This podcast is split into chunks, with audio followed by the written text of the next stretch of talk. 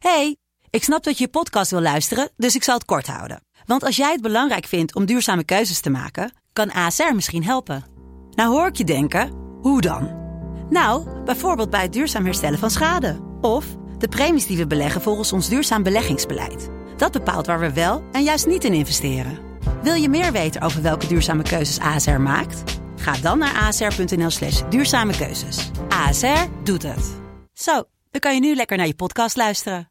Hey, ik snap dat je je podcast wil luisteren, dus ik zal het kort houden. Want als jij het belangrijk vindt om duurzame keuzes te maken, kan ASR misschien helpen.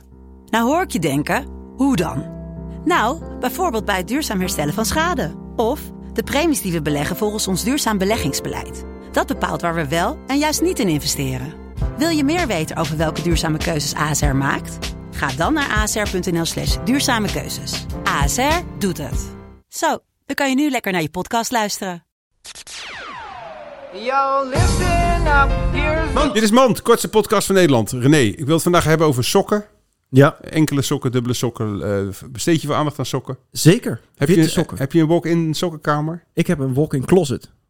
Ja? Met- Daar liggen je sokken in. Ja, inderdaad. Maar ook andere dingen. Waarom krijgt een, een sok niet een eigen kamer? Ja, eh, Ja, dit was Mand. Mand.